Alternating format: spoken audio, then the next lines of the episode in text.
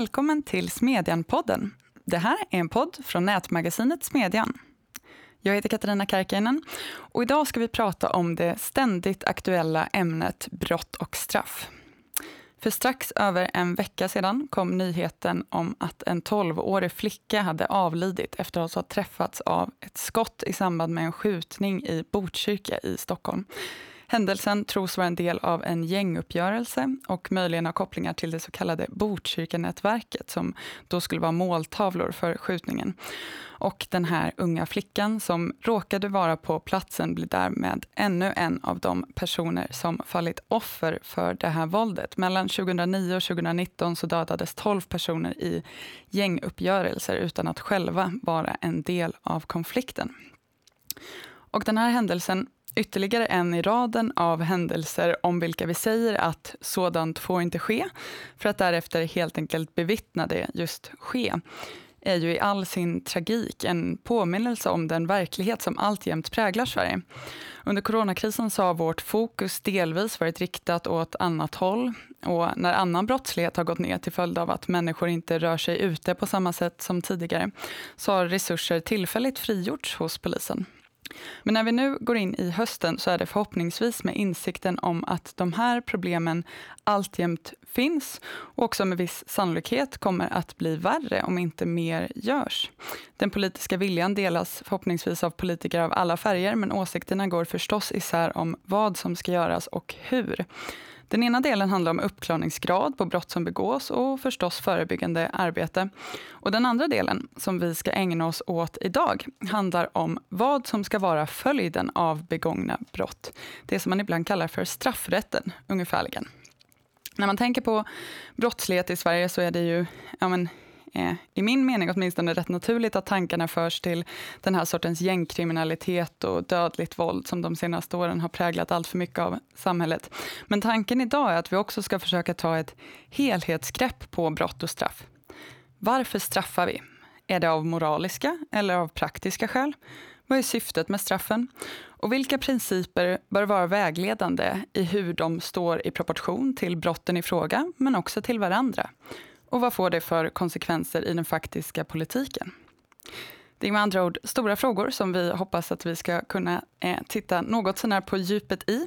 Och då är det tur att vi har en kvalificerad panel med oss. Vid min sida sitter Adam Danieli, skribent här på Smedjan det senaste året, juriststudent och författare av en essä som vi nyligen publicerade med titeln Straffen var aldrig tänkta att vara rättvisa. Välkommen! Tack så mycket. Med oss har vi också Per Clareus, biträdande kanslichef vid Moderaternas riksdagskansli och tidigare domare på bland annat Svea hovrätt, eller Titanrygg om man ska tro din Twitter-bio.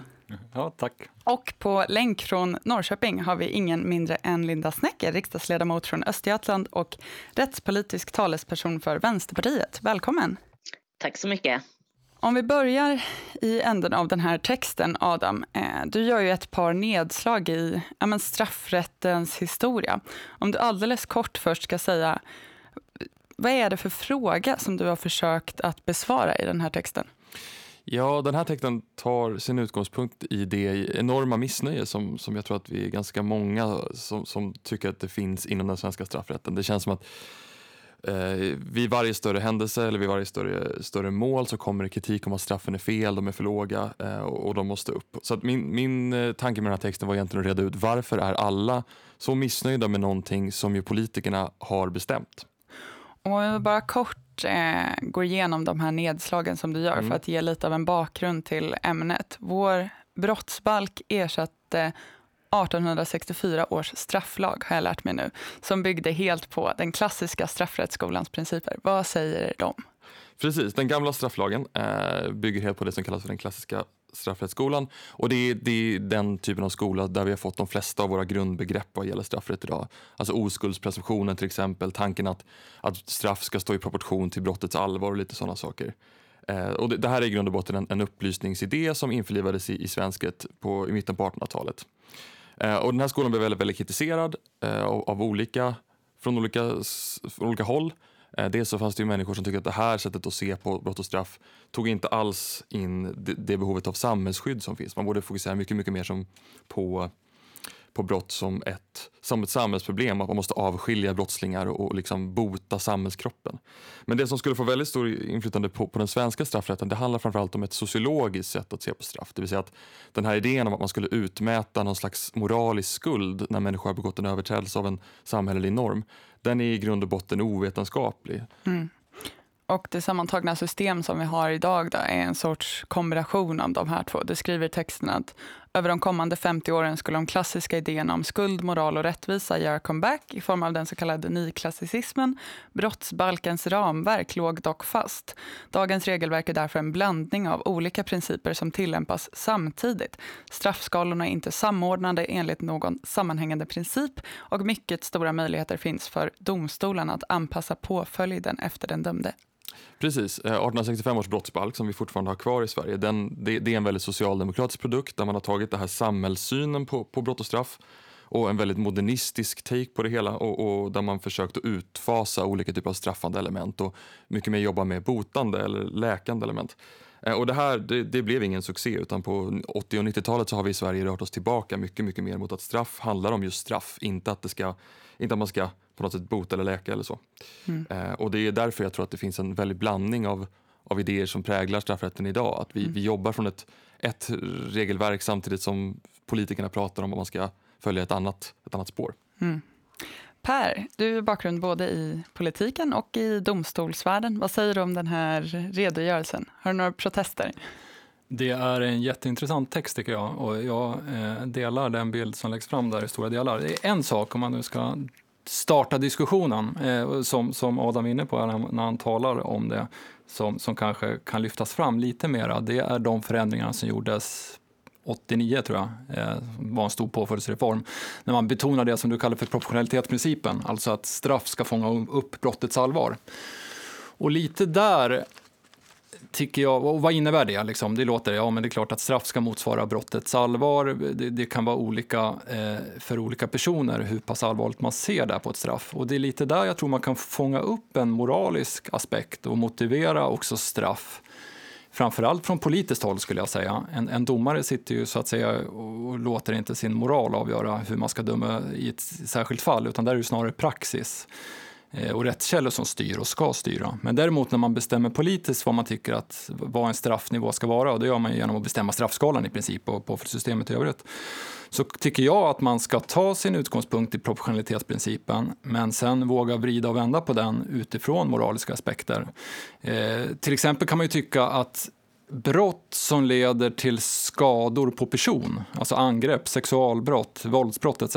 Att de då eh, ur moralisk synpunkt eh, leder till konsekvenser och skador som bör värderas upp. Alltså brottets allvar bör leda till ett högre straff.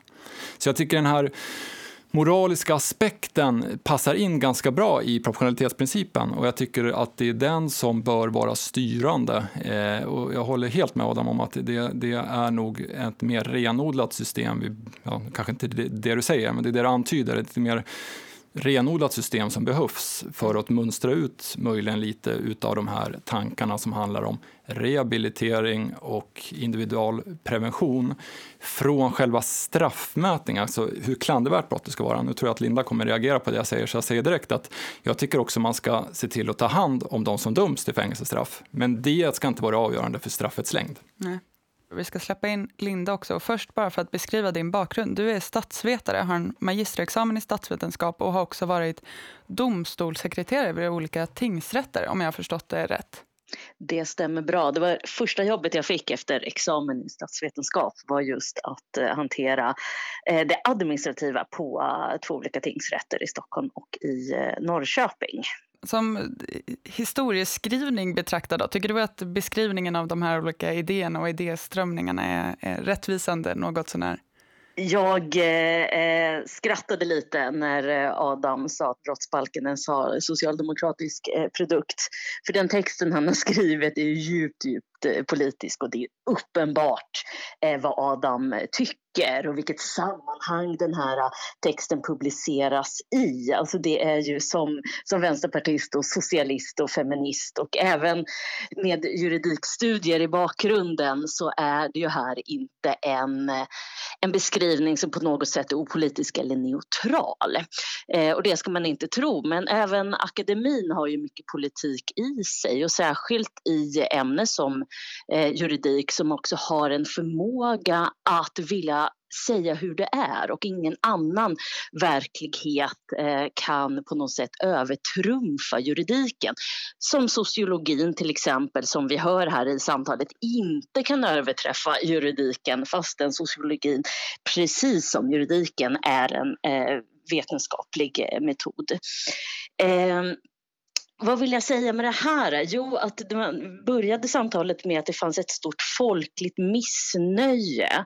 Och det finns det alltid när fruktansvärda brott sker. När en 12-årig flicka blir skjuten av gängkriminella då liksom finns det ingenting som går att beskriva den avsky man personligen känner.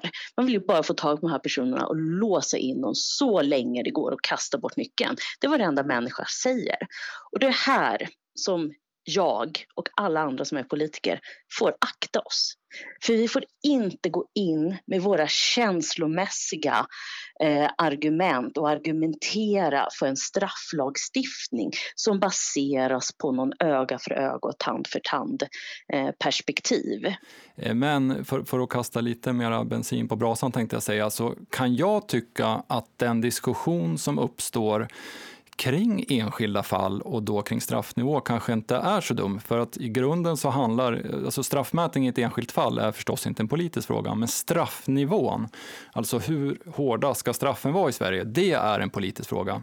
Och då är det inte konstigt att man utifrån verkliga fall där man ser hur domstolar har dömt, då startar en politisk diskussion, särskilt inte efter en, en dom har vunnit laga kraft.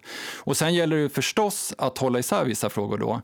Eh, bland annat kring vad, vad, en domare kan göra eller inte göra. ibland, så, så, om jag då tar på mig domar, domarhatten, eh, så kan man ju se missförstånd ibland som handlar om att do, domare på något sätt går in med en inställning att man ska att, att man medvetet lägger sig väldigt lågt straffmässigt, det, det tror jag inte, utan domare är i, i grunden väldigt eh, lagstiftningslojala i Sverige. Man håller sig helt enkelt till den lagstiftning som finns och när det gäller straffmätning håller man sig till den, den eh, praxis som finns från Högsta domstolen. Eh, och här tänkte jag kasta in ett till begrepp som jag tror är viktigt Eh, nämligen liksom rättvisa eller rättslikhet, att liksom lika, lika brott leder till ungefär lika straff. Eh, och där kommer de här schablonerna som Adam tar in till exempel eh, har en ganska stor betydelse som är någonting positivt. Även om man har, kan ha den politiska åsikten att straffen är för låga så är det positivt med schabloner och så eh, i någon mån om man börjar därifrån för att det genererar en straffmätning där någon som döms för ett grovt narkotikabrott i Göteborg får samma straff där som man skulle få i Stockholm. Mm. Så det är i grunden positivt. Eh, nå någonting till eh, kring, Linda tar upp här med sociologin, ska jag träffa juridiken? Jag ställer olika vetenskaper, möjligen, jag förstår att du inte ställer dem mot varandra, men man diskuterar dem mot varandra. Och där tror jag bara att det är viktigt att straffmätning i betydelsen straffnivå är inte någonting sociologiskt utan det är en, en eh, i grunden politisk fråga som bör utgå från, från brottets allvar tror jag. Och sen så ska man jobba brottspreventivt med olika typer av åtgärder sen när man sitter i fängelse eller får ett frihetsberövande straff. Eh, risken med att blanda in andra vetenskaper i straffmätningen när man bestämmer straffnivå, det är att då kommer ett narkotikabrott i Göteborg straffas på ett annat sätt än det i Stockholm beroende på vilken person det är som döms. Och då får vi ett grunden ett orättvist system där lika fall inte behandlas lika. Varför straffar vi? Vad är syftet?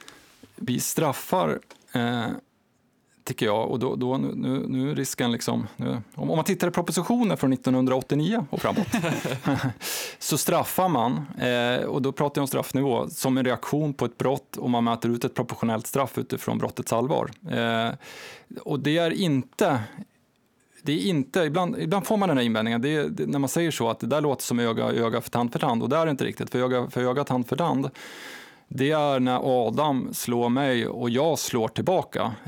Proportionalitetsprincipen utgår att det är samhällets reaktion på att någonting har begått ett fel. Det är, en viktig avgörande skillnad där. Att det är samhället som reagerar mot ett fel. Eh, så att det, det är liksom att säga, så att säga, skulle jag se det som en moralisk konsekvens av att man har brutit mot regler. Det, det är därför man straffar. Mm. Vad säger Linda? Nej, men jag, jag håller helt eh, med och det är dessutom att man bryter mot regler som vi alla ändå har kommit eh, överens om hyfsat gemensamt och som vi också har ändrat över tid vad vi tycker som samhälle är liksom acceptabelt beteende och inte. Jag tänker mycket på eh, aga barn, sexköp, samtyckeslagstiftningen där det faktiskt har skett stora... Jag gillar inte att, att lagstiftning används, används som liksom någon KBT för att ändra folks beteende. Men stundtals är ju det också väldigt effektivt att göra. Och då tycker jag att samtyckeslagstiftningen till exempel är sådana, sådana som inte bara ändras liksom i, jag vet inte om det hamnar inom straffrätten eller inte, men inom brottsbalken. Och även folks liksom syn på vad vi kan göra med varandra i ett demokratiskt eh, samhälle. Och gör du inte det då, då är det straffbart. Eh, så straff är inte på något sätt, ibland får jag uppfattning om att vissa tror att vänstern tycker att liksom straff i sig är inte någonting som ska finnas men realiteten är att vi driver ju också för hårdare straff särskilt inom eh, sexualbrotten där vi tycker att de flesta partier är liksom rätt veka men även inom vapenlagstiftningen. Så att, jag är helt för att vi, vi måste ha eh, regler för, där vi själva kommit överens om vad man får och inte får göra. Ja, eh, jag kanske hamnar på en lite annan, annan sida här egentligen. Men, men, jag tror i grund och botten inte riktigt på det här moraliska, helt moraliska straffet. Alltså det finns ingen naturlig proportionalitet som kan översätta antalet knytnävsslag till antal månader i fängelse. Det finns liksom ingen, ingen skala som, som på något sätt är naturlig där utan det måste finnas ett syfte med straffet och proportionaliteten tänker jag är kanske viktigare relativt. Alltså vi behöver som samhälle uttala att vissa handlingar är eh, mer skadliga än andra och, och, att den här proportionaliteten inom systemet kan vara viktigare än den, den bara proportionaliteten mellan handling och, och, eh, och straff. Alltså vi måste som, som, för att hålla ihop något slags samhälle och kunna, kunna hävda att straff är att utmäta en skuld också kunna relatera olika straff till varandra. Så att, jag, jag vet inte om man kan säga, liksom, är det här ett proportionellt straff för den här handlingen? Det tror jag är en, en fråga som är väldigt svår att svara på. Däremot är de här två straffen relativt till varandra mm. Eh, än, än eh, rimliga. Vi kan gärna fortsätta på den noten. Det jag är ute efter med den här eh, liksom väldigt övergripande frågan är ju också, vilket ni eh, säkert förstår, huruvida det liksom primärt utifrån de här idéhistoriska bakgrunderna är meningen att vi ska liksom skapa en retributiv rättvisa, att människor ska sona sina brott helt enkelt därför att de förtjänar det. Eller om syftet primärt är instrumentellt, att det ska leda till någonting bra, att de här människorna ska hållas borta eller att man ska skapa vissa, vissa normer. Vad kommer först och vad kommer sedan så att säga? Jag, jag tänker ju ständigt, alltså vad, många pratar ju alltid om att straff innebär alltid anstaltsvistelse fast vi har så otroligt många andra funktioner även i, som vi kan utöva liksom straff på men det verkar oftast inte räknas i liksom, den allmänna debatten utan man ska in, in på finkan, punkt slut. Men min tanke är ju alltid innehållet i straffet. Vad kommer den här anstaltsvistelsen innehålla? Och jag tycker ju det är så mycket mer intressant än antalet år som man liksom är borttagen från, från samhället och sitter på anstalt. Eh, för att det är ju så att med en bättre behandling, som jag ändå starkt, starkt, jag är otroligt liberal när det kommer till att jag tror att människor har många chanser här i livet och vi verkligen kan göra det bästa av den situationen eh, som vi har. Och därför tror jag på individens frihet att kunna alltså, starta om igen. Får man en riktigt bra behandling inom kriminalvården så kanske det är riktigt bra att sitta under lång tid om vi har en bra sån långtidsbehandling. Eller så att vi kan arbeta fram KBT-behandling som fungerar under väldigt kort tid och vi därför kan korta straffen och på så sätt faktiskt spara jättemycket samhälleliga resurser för det är väldigt dyrt att låsa in människor med mat och behandling och husrum under flera år. Alltså, jag, tycker, jag skulle hellre liksom vilja ha en straffrättsprocess eh, jag vet att jag önskar tänker med en straffrättsprocess som pratar om innehållet och hur kan vi göra det nästan så effektivt som möjligt för att få bort det kriminella beteendet hos människor än hur lång tid ska någon sitta där man liksom inte pratar om innehållet i, eh, i straffet. Jag reflekterar, jag hörde Linda sa att du tror på, på frihet. Det låter som att du ansöker jobb här på Timbro. Ni skulle bli mycket förvånade över min kapacitet. Nej, skämt åsido, jag, jag, jag håller med dig om att den frågan är viktig, men, men jag skulle vilja dela upp frågorna, för jag tror att det är viktigt att inte blanda ihop frågorna, nu tjatar jag lite här, men straffnivå och straffets innehåll. Jag tror man ska hålla isär de frågorna och, och hur man tänker kring, kring motivering till respektive del om man bara utgår från straffets innehåll, vad som passar för en viss individ, då kommer vi ett system, när vi, om det skulle bestämma då också vilka straff vi dömer ut, så kommer det bli hänsyn, då kommer man få ta hänsyn till vilken person det är som har begått brottet. Och, eh, och så, sånt system tror jag inte Linda vill ha heller, men en person, som, en person som inte har något problem och som inte behöver genomgå den här vården ska då inte straffas eller kanske få ett bötesstraff, medan någon som har stora problem ska sitta inne i ett år för att få eh, ja, narkotikaavvänjning lugnande behandling eller något sånt där. Utan man måste, man måste så att säga, när man bestämmer sig för vilket straff, och då, då jag håller med Linda att vi, vi fastnar ofta och pratar om fängelsestraff och, och, och det finns massor med andra straff också, men om vi utgår från fängelsestraffet så måste det motiveras av någonting annat än vad individen behöver och eller vad innehållet ska vara. Det måste motiveras, tycker jag, utifrån det här proportionalitetstänket och moraliskt. Och det, jag håller med Adam där också om att det ska vara Eh, kasta in ett nytt fint ord här, ekvivalent, att det ska passa med andra brott så att säga och att det ska stämma överens. Men, men även den, den frågan är också politisk. Är det så att vi tycker vi att skattebrott eh, döms för hårt i Sverige i relation till våld mot person eller sexualbrott eller något annat? Så vilar ju det också på hur vi värderar konsekvenserna av vissa brott Eh, i förhållande till varandra. Och, och, det ska då återspeglas i, i straffskalan som politiker bestämmer över. Men min grundpoäng är här att jag tror man ska verkligen eh, prata om straffets innehåll, men det blir steg två. Det, det, det får inte blandas ihop med liksom straffets hårdhet.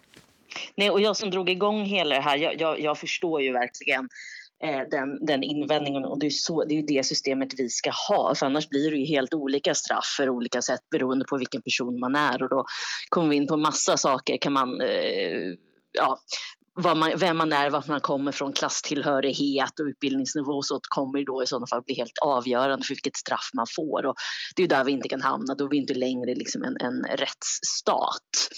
Eh, men, men jag skulle vilja säga som, som lagstiftare så är det ju sorgligt att det är inte riktigt så här debatten går när vi väl eh, lagstiftar utan när, när vi politiker och när, jag klass, när, vi, när vi debatterar de här frågorna så är det otroliga förenklingar just för att vi måste spegla det folkliga missnöjet med hur olika saker, till exempel gängkriminaliteten, utvecklar sig i Sverige. Och då kan man inte ha sådana här mera avancerade uppdelningar utav hur mäter vi straff i Sverige. Utan det blir ganska snuttifierade korta one-liners eh, förslag som vi jobbar med. Just för att folk vill ha sina känslor bekräftade eh, här och nu. Medan jag är mer en fan av att lagstiftningen måste få ta tid och den måste också vara svår. Man kan inte komma med enkla svar eh, på en gång vilket jag tycker Per visar väldigt tydligt med, med eh, straffets innehåll och straffnivån att det måste vara två olika saker. Men här, här stöter nog juridiken och eh, den politiska verkligheten eh, går inte riktigt hand i hand. Det ser jag varje gång justitieutskottet till exempel har möte. Mårten Schultz, som är professor i civilrätt på Stockholms universitet, som ni eh, säkert känner till, säger i den här artikeln att han hoppas att Kant gör comeback, syftandes då på Immanuel Kant, förstås filosofen.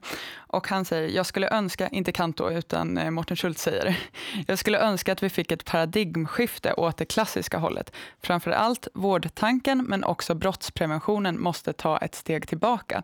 Syftet är inte vård eller läkning, utan att sätta brottet och brottsoffret i centrum. Vad tycker ni? Det Är ett perspektiv som ni delar? Ja, jag, jag, tror att han är precis Mårten inne, förlåt nu tar jag ordet där snabbt. Eh, jag tror att han eh, är inne precis på det som jag försökte säga här tidigare, att eh, när han skriver det där, eller det är med i Adams fina artikel, det, det är ju ett uttryck eh, för vad han tycker ska styra straffnivån. Eh, och jag tror precis som honom att det är själva och grejen att det jag skiljer mig från honom är att det kan nog läggas in i dagens system med proportionalitet, men att man, när man värderar skador och konsekvenser av brott, att det värderas upp. Helt mm. enkelt. Men mm. absolut, jag, jag, tror att han har helt rätt. Och jag tror, igen om man ska eh, då på något sätt knyta det till, till den diskussionen vi har haft här tidigare så tror jag att den här diskussionen som blossar upp efter uppmärksammade fall, det är ju tecken på, visst, det, det, man har inte läst hela domen och man har inte hela bilden ibland och kanske pratar utan att ha allting helt klart för sig, de som har synpunkter. Men i grunden finns det nog rätt många som tycker att det är för låga straff också, alltså som har den politiska åsikten. Och jag tror inte bara man kan säga att peka på att de inte är insatta, utan, utan det är nog folk som verkligen tycker så. Eh, och det ska man nog kunna diskutera och de har nog det, den ingången utan att ha klätt i lika fina ord som professor Schultz. Men precis som honom, att det är liksom en moralisk värdering som ligger bakom den åsikten. Mm. Ja, Mårten Schultz är ju vän av ett helt liksom, retributivt system där man bara tänker i termer av, av, av upprättelse och inte alls vad som, vad som funkar. Eh, jag tror dock att han gör det lite, lite som du sa Linda, att, att det blir lite väl enkelt. Många brott i Sverige är inte, för väldigt många brott så är ju straffen inte alls för låga. Eh, och det finns ju eh, återigen ett pedagogiskt problem att när man gör olika typer av mätningar och, och, och undersökningar och kollar på vad, vad, människor både tror att olika straff är för vissa handlingar och vad de själva skulle sätta för straff så ligger människor i, i allmänhet ganska lågt, betydligt lägre än vad man skulle få i domstol. Men det som, det som måste upp det är de här mest uppmärksammade fallen och där kan man ju fundera lite grann på, precis som du säger Per, att, att eh, vad vi prioriterar har ju varierat väldigt mycket över tid. Jag har ju suttit och grävt en hel del i 1956 års straff rättsutredning, eh, det betänkandet som är en väldigt intressant eh, produkt måste man säga. Men strafflagen betonar väldigt, väldigt mycket förmögenhetsbrotten, det vill säga vad, det är stöld och bedrägeri och sådana brott som är de, de skadliga för samhället. Och det reflekterar väl lite grann då vad man vad de som stiftade den lagen tyckte var, var eh, mest skadligt. Det var ju väldigt många förmögna personer får man, får man tänka sig. Brottsbalken går ju istället väldigt hårt åt olika ekonomiska brott och brott mot staten och det var ju väldigt viktigt i den tiden. Nu så har vi ju en, en situation där vi börjar se på ett helt annat sätt om, om integritet. Eh, framförallt sexualbrotten är ju de som väcker mest uppmärksamhet för att skadan där i lagstiftningens mening eller liksom i, i straffmätningens mening är så långt ifrån vad, vad människor i allmänhet ser skadan som. Så att det här är någonting som förändras över tid och jag tror att lagstiftaren gör en rätt bra idé att, att fundera på okej, okay, vi går mot en mycket, mycket mer där vi värderar skada på människa och på integritet mycket, mycket högre än på kanske stat och, och, och förmögenhet. Eh, så det, det, tror jag också kan påverka lite grann att människor är missnöjda med liksom, den retributiva delen av rättvisan. Mm. Nej, men vad, vad, jag tänker är ju att vi får ju inte tro att den här uppfattningen inte är politisk eller i liksom en tidsanda. Jag menar på 60-talet tyckte även Moderaterna att straffen inte skulle vara särskilt hög utan även de trodde på rehabilitering då, precis som alla andra trodde. Så alltså, allt det här sker ju i cykler och vad människor har för uppfattning och just nu är vi i en mer konservativ ådra. Eh, det är liksom inte 70-talets vänstervindar utan det, det är liksom Trump och och andra tokigheter som håller på. Och det följer ju också med i synen på eh, brott och straff. Eh, om, om jag ska vara positiv och se välvilligt på formuleringen, brottsoffret i, i centrum så som jag hoppas att många jurister ser på det är just att vi går eh, som, som Adam sa att det är liksom en skiftning från brott mot staten och förmögenhetsbrott mot mer att faktiskt kunna formulera kring hur vi ser på brott mot individen. Men jag ser ju också faran och det här är till och med farligt för mig att säga för håller man inte med om att brottsoffret måste få upprättelse så är det som att man inte bryr sig om brottsoffret överhuvudtaget. Men faran i med hela debatten om brottsoffret i centrum och det ska vara upprättelse är just att vi går ifrån ett system där alla brott bedöms eh, likvärdigt till något system där kanske brottsoffret får vara med och ha åsikter i straffmätningen. Och det är det som jag blir orolig för eh, när jag hör, nu vet jag att Mårten Schultz inte resonerar eh, på det förenklade sättet, men det är där man kan hamna i den tidsanda som vi lever i, där man gärna vill ha korta och enkla svar på väldigt, väldigt eh, komplicerade frågor. Ja, eh, jag skulle säga så här. Jag skulle vilja lyfta in en till aspekt, lite med anknytning till det som Linda säger. Jag, jag tror att, jag, och även Adam, jag, jag tror att egentligen, eh, så om man tittar på straffskalorna så, som Linda så att säga, som lagstiftare och även andra har varit med och tagit fram så är ju de ganska vida. Det är ju den politiska signalen kring straffnivå. Och där skulle jag säga att eh, om man tittar på dem så, så är det inte självklart att man kan dra den slutsatsen att jo, men vi, de, de, de ger uttryck för en mycket tuffare syn på skattebrott än, än misshandelsbrott och andra, andra brott mot person. Det är nog tvärtom. Eh, men sen är de väldigt vida så det är svårt att dra några riktiga slutsatser. Men någonting som inte finns, skulle jag säga, eh, färdigutvecklat som har koppling till den här moraliska synen som, som Mårten Schultz ger uttryck för också. Det är en, en genomtänkt syn på skuld hos gärningsmannen eh, snarare än, än, än brottsoffret. Då. Och, och med det menar jag att vi i Sverige är extremt gärningsfokuserade när vi, när vi tänker straff. Eh, och det, det rimmar lite med det jag sa förut, att lika straff ska bedömas lika. Och så är det.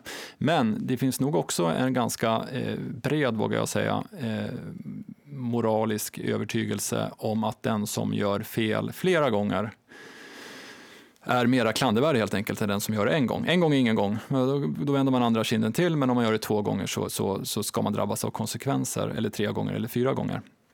Eh, och det där är ganska underutvecklat i svensk eh, straffrätt. Eh, det, det, är, det, det, finns liksom ett nästan ideologiskt motstånd som inte är politiskt politiskt, men, men, som ändå på något sätt är värderingsmässigt bland jurister. Och det, man, man har gillat den här renodlade tanken kring proportionalitetsprincipen utgår från gärningen, för då vet man att det blir ungefär samma straff.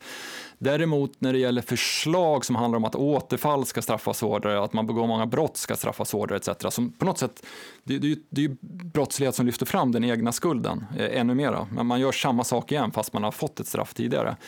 Det saknas lite skulle jag säga.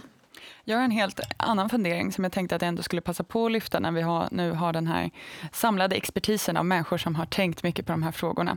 Eh, och det är bara i, i största allmänhet varför utfallen blir som de blir. Alltså, vilken del är ansvarig för hur mycket av resultatet vad gäller domstolarna, juridiken och politiken? Har domstolarna lagom mycket handlingsutrymme till exempel? Ska, jag känner mig manad att svara på den. det förstår jag. Dumt, domstol. Nej, och jag, har ju, jag har ju inte suttit dömt i Högsta domstolen, så jag har varit begränsad. Eh, jag har jobbat i, i hovrätt och, och tingsrätt. Eh, och då är det så här att man är, och det, och det tycker jag är rätt i sak, det är viktigt att säga att domare ska följa givetvis lag, eh, men också när man sitter i en underrätt ska man följa praxis. Och påföljdspraxisen kan man ha synpunkter på politiskt, tycker jag. Definitivt. Liksom. Det, är, det är för lågt i olika avseenden. Det tycker bland annat mitt parti i, i flera olika avseenden. Eh, men att det, beror så att säga inte på domare i underrätt, eh, att man så att säga, för att man själv tycker att straffen ska ligga på den nivån rent moraliskt så lägger man sig där, utan det beror ju helt enkelt på att man har ett, ett avgörande från Högsta domstolen eller en princip som har tagits fram genom lagstiftning och sen har blivit praxis, att man dömer enligt det. Eh, så där skulle jag säga som domare att man är, även om en domare också alltid har ett utrymme. Men det, det, det är, det är liksom på marginalen. Vi rör oss inte mellan storheter så som vi diskuterar straff i den politiska samhällsdebatten. Och det kan man det, det, kan man liksom inte kräva. Jag tror inte vi vill, om man tänker efter så vill vi inte ha domare som plötsligt kommer på att nej fasen nu, nu, är, nu är jag trött på alla som springer runt och klottrar. Så, här. så nästa som kommer in som, som jag ska döma här, och vanligt klotter på, på en husfasad får man ju normalt dagsböter för. Då bestämmer sig den domaren för att jag kör upp det i straffmaximum, två års fängelse för den här personen. Det skulle inte vara rimligt för då skulle den personen få ett helt annat straff än någon annan. Eh, så att jag, jag tror man måste styra förstås straffrätten från politiskt håll och då gäller det lite att, eh, att vidta de åtgärder som man fattar att de kommer att fungera politiskt. Det, det, det, det tycker jag liksom lite den här debatten politiker säger ofta, nu företräder jag politiksidan också så jag ska vara kritisk mot mig själv, men politiker, om, om du frågar i en, en enkät till politiker, är ni för skärpta straff? Så säger alla ja. Även Linda Snäcker säger ja. ja. när, när, när, det gäller sex... När, när, när, det gäller, vissa brott. När det gäller sexköp så säger Linda Snäcker ja, vet jag. Ja. Men, ja, jo, men, men då säger alla jo, vi är för det. Och sen kommer inte följdfrågan, på vilket sätt? För jag menar, om man vill skärpa straffen på riktigt så, så kan man göra det genom att liksom jobba med systemen som de ser ut och då kommer domarna döma döma efter det. Men det gäller liksom att göra det då också, inte bara använda de här orden. För det jag tänker är att det är klart att det är begränsat vad man har för handlingsutrymme i, i tingsrätt och hovrätt och framförallt att man vet att det kanske blir korrigerat om man eh, liksom går, eh, ger sig själv för, stör, för stort handlingsutrymme. Men det finns ju ändå, vi har pratat lite om den allmänna känslan och jag tänker att den allmänna känslan ändå är att domstolarna tenderar att utifrån någon slags försiktighetsprincip och då kanske det är liksom praxisen i Högsta domstolen som man pratar om, lägga sig ganska lågt. Medan man ju tänker som utomstående betraktare att det vore mest rationellt om medelvärdet var just precis i mitten för att också ha utrymme att, så att säga, gå nedåt vid mm. väldigt förmildrande omständigheter. För annars så blir ju effekten just den här att politiker måste pusha upp det allra lägsta straffvärdet på ett mm. sätt som kanske egentligen inte vore önskvärt bara utifrån målet att straffen generellt ska vara högre. Mm. Om du förstår vad jag ja, jag förstår precis. Och jag håller med dig ja. mm. i, i det att man skulle vilja ha en mera en, att man skulle kunna mäta ut straff i hela skalan så att säga. Med misshandel kan man ju mäta ut mellan, mellan vanlig misshandel från 14 dagars fängelse eller ja, icke frihetsberövande påföljder upp till två års fängelse. Att man lägger sig någonstans i hela skalan. Nu får man alltid en månads fängelse eller två månaders fängelse för det. Mm. Men jag menar, sen kommer, så, så, här, så funkar inte systemet. Och det, och det, är, om man utgår från gällande rätt så är det ju praxis och HD och så som gör att man, att man håller sig inom, inom ramarna. Och sen kan det sticka ut. Man ska inte bara säga att, att domare är maskiner som bara liksom stoppar, man stoppar in någonting som kommer ut liksom en bestämd dom. Men det, det, finns i alla fall givna ramar. Och jag tror politiskt, om man menar allvar med att vilja ändra saker så är det klart att det går att ändra. Eh, det som du tog upp nu, det finns ju paragrafer i brottsbalken som säger att man ska välja, man ska, man ska tillämpa, det finns en presumtion om att man ska då titta specifikt på de omständigheterna som talar för en lindrare påföljd etc. Så det går ju att skruva i de delarna också om man vill åstadkomma en förändring. Så det går definitivt. Vi behöver alldeles strax runda av. Jag vet att Linda bland annat ska vidare till eh, nästa eh, möte. Men jag undrar, Adam, och ni andra får också gärna fylla i. Har du någon framtidsspaning vad gäller straffrätten? Den här texten har ju fått rätt mycket respons och många verkar dela den här problembeskrivningen om att de svenska straffen är lite ad hoc. Eh, och att helt göra om brottsbalken från scratch kanske inte låter sig göras i en handvändning, eller just nu. Men finns det någonting som kan göras och eller som är på gång utifrån din problembeskrivning om det här löst sammansatta systemet? Uh, nej, jag vet väl egentligen inte om det finns någonting som är, är, på gång. De här grundvalarna ligger väldigt, väldigt hårt fast verkar det som. Jag tror att vi kommer att få en, en allt mer polariserande debatt kring just eh, brott och straff. Och men, men, om jag skulle göra ett medskick kanske snarare så är det just den här integritetsfrågan. Att, att vi har nu... Vi, vi har ett annat, en annan brottslighet än tidigare och, och, då tänker jag inte bara på, på gäng och sådär utan även på, på brott på internet och så. Och lagstiftaren har varit väldigt långsam med att lägga in olika typer av möjligheter att lagföra brott som riktar sig mot integritet bland annat. Så att det här måste, det måste prioriteras annars riskerar man att mm. få ytterligare en sån här diskussion att straffen hänger inte med när det mm. kommer till, till integritetskränkningar mm. på nätet och sådär. Mm. Det skulle vara min spaning. Linda, har du något sista medskick? Alltså nu, nu blir säkert juristerna upprörda, men jag är ändå politiker. eh, nej, men jag tänker just längden på straff, alltså innehållet som jag har sagt innan, det tycker jag egentligen är mer intressant. Men också hur vi utformar straff, att straffet inte bara är på anstalt. Jag skulle vilja se mycket mer hårda straff i frihet. Att vi kan utforma olika slags former av straff i frihet med elektronisk fotboja på helt andra sätt än vad vi har haft tidigare. Det har inte funnits jättemycket att välja på heller eh, som kanske har funkat för alla personer. Där har även kriminalvården efterfrågat flera former utav straff i frihet som jag tror också gör det enklare att till exempel komma tillbaka, att inslussas tillbaka till samhället efter straff, att glappet inte blir så stort från att ha ett situationstecken normalt vanligt liv igen. Men också att vi faktiskt kan sänka eh, kostnader. Det är ju sånt Moderaterna brukar gilla till exempel att det ska vara lite kostnader för staten och då skulle vi kunna istället istället för att låsa in folk ha andra former av straff i, eh, i frihet. Per, har du någon eh, framtidsspaning? Det kanske beror på eh, vad vi får för regering efter nästa val.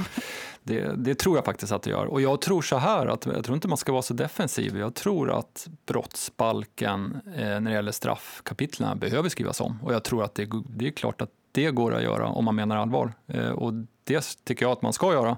Och då tycker jag att man ska, när det gäller straffnivå, eh, verkligen fundera kring vad som, vad som är lämpliga straffnivåer utifrån det som Mårten Schultz tar upp eh, när det gäller moralen, men också titta på individens skuld, det här med återfall och mängdrabatt. För det, kom, det får också till konsekvens att de som begår många brott och de som återfaller i brott, att de får längre strafftid och det innebär i så fall också att man har möjlighet att behandla dem eh på ett bättre sätt. Och sen håller jag med Linda, ska jag säga, om de, att, att, att det finns en ett underskott i diskussioner eller icke frihetsberövande påföljder.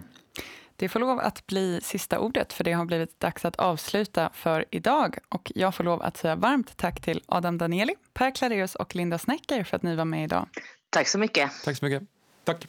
Jag vill också passa på att säga att Adams text, Straffen var aldrig tänkta att vara rättvisa, normativ eller deskriptiv, beroende på vad vi sa innan, finns att läsa på vår hemsida.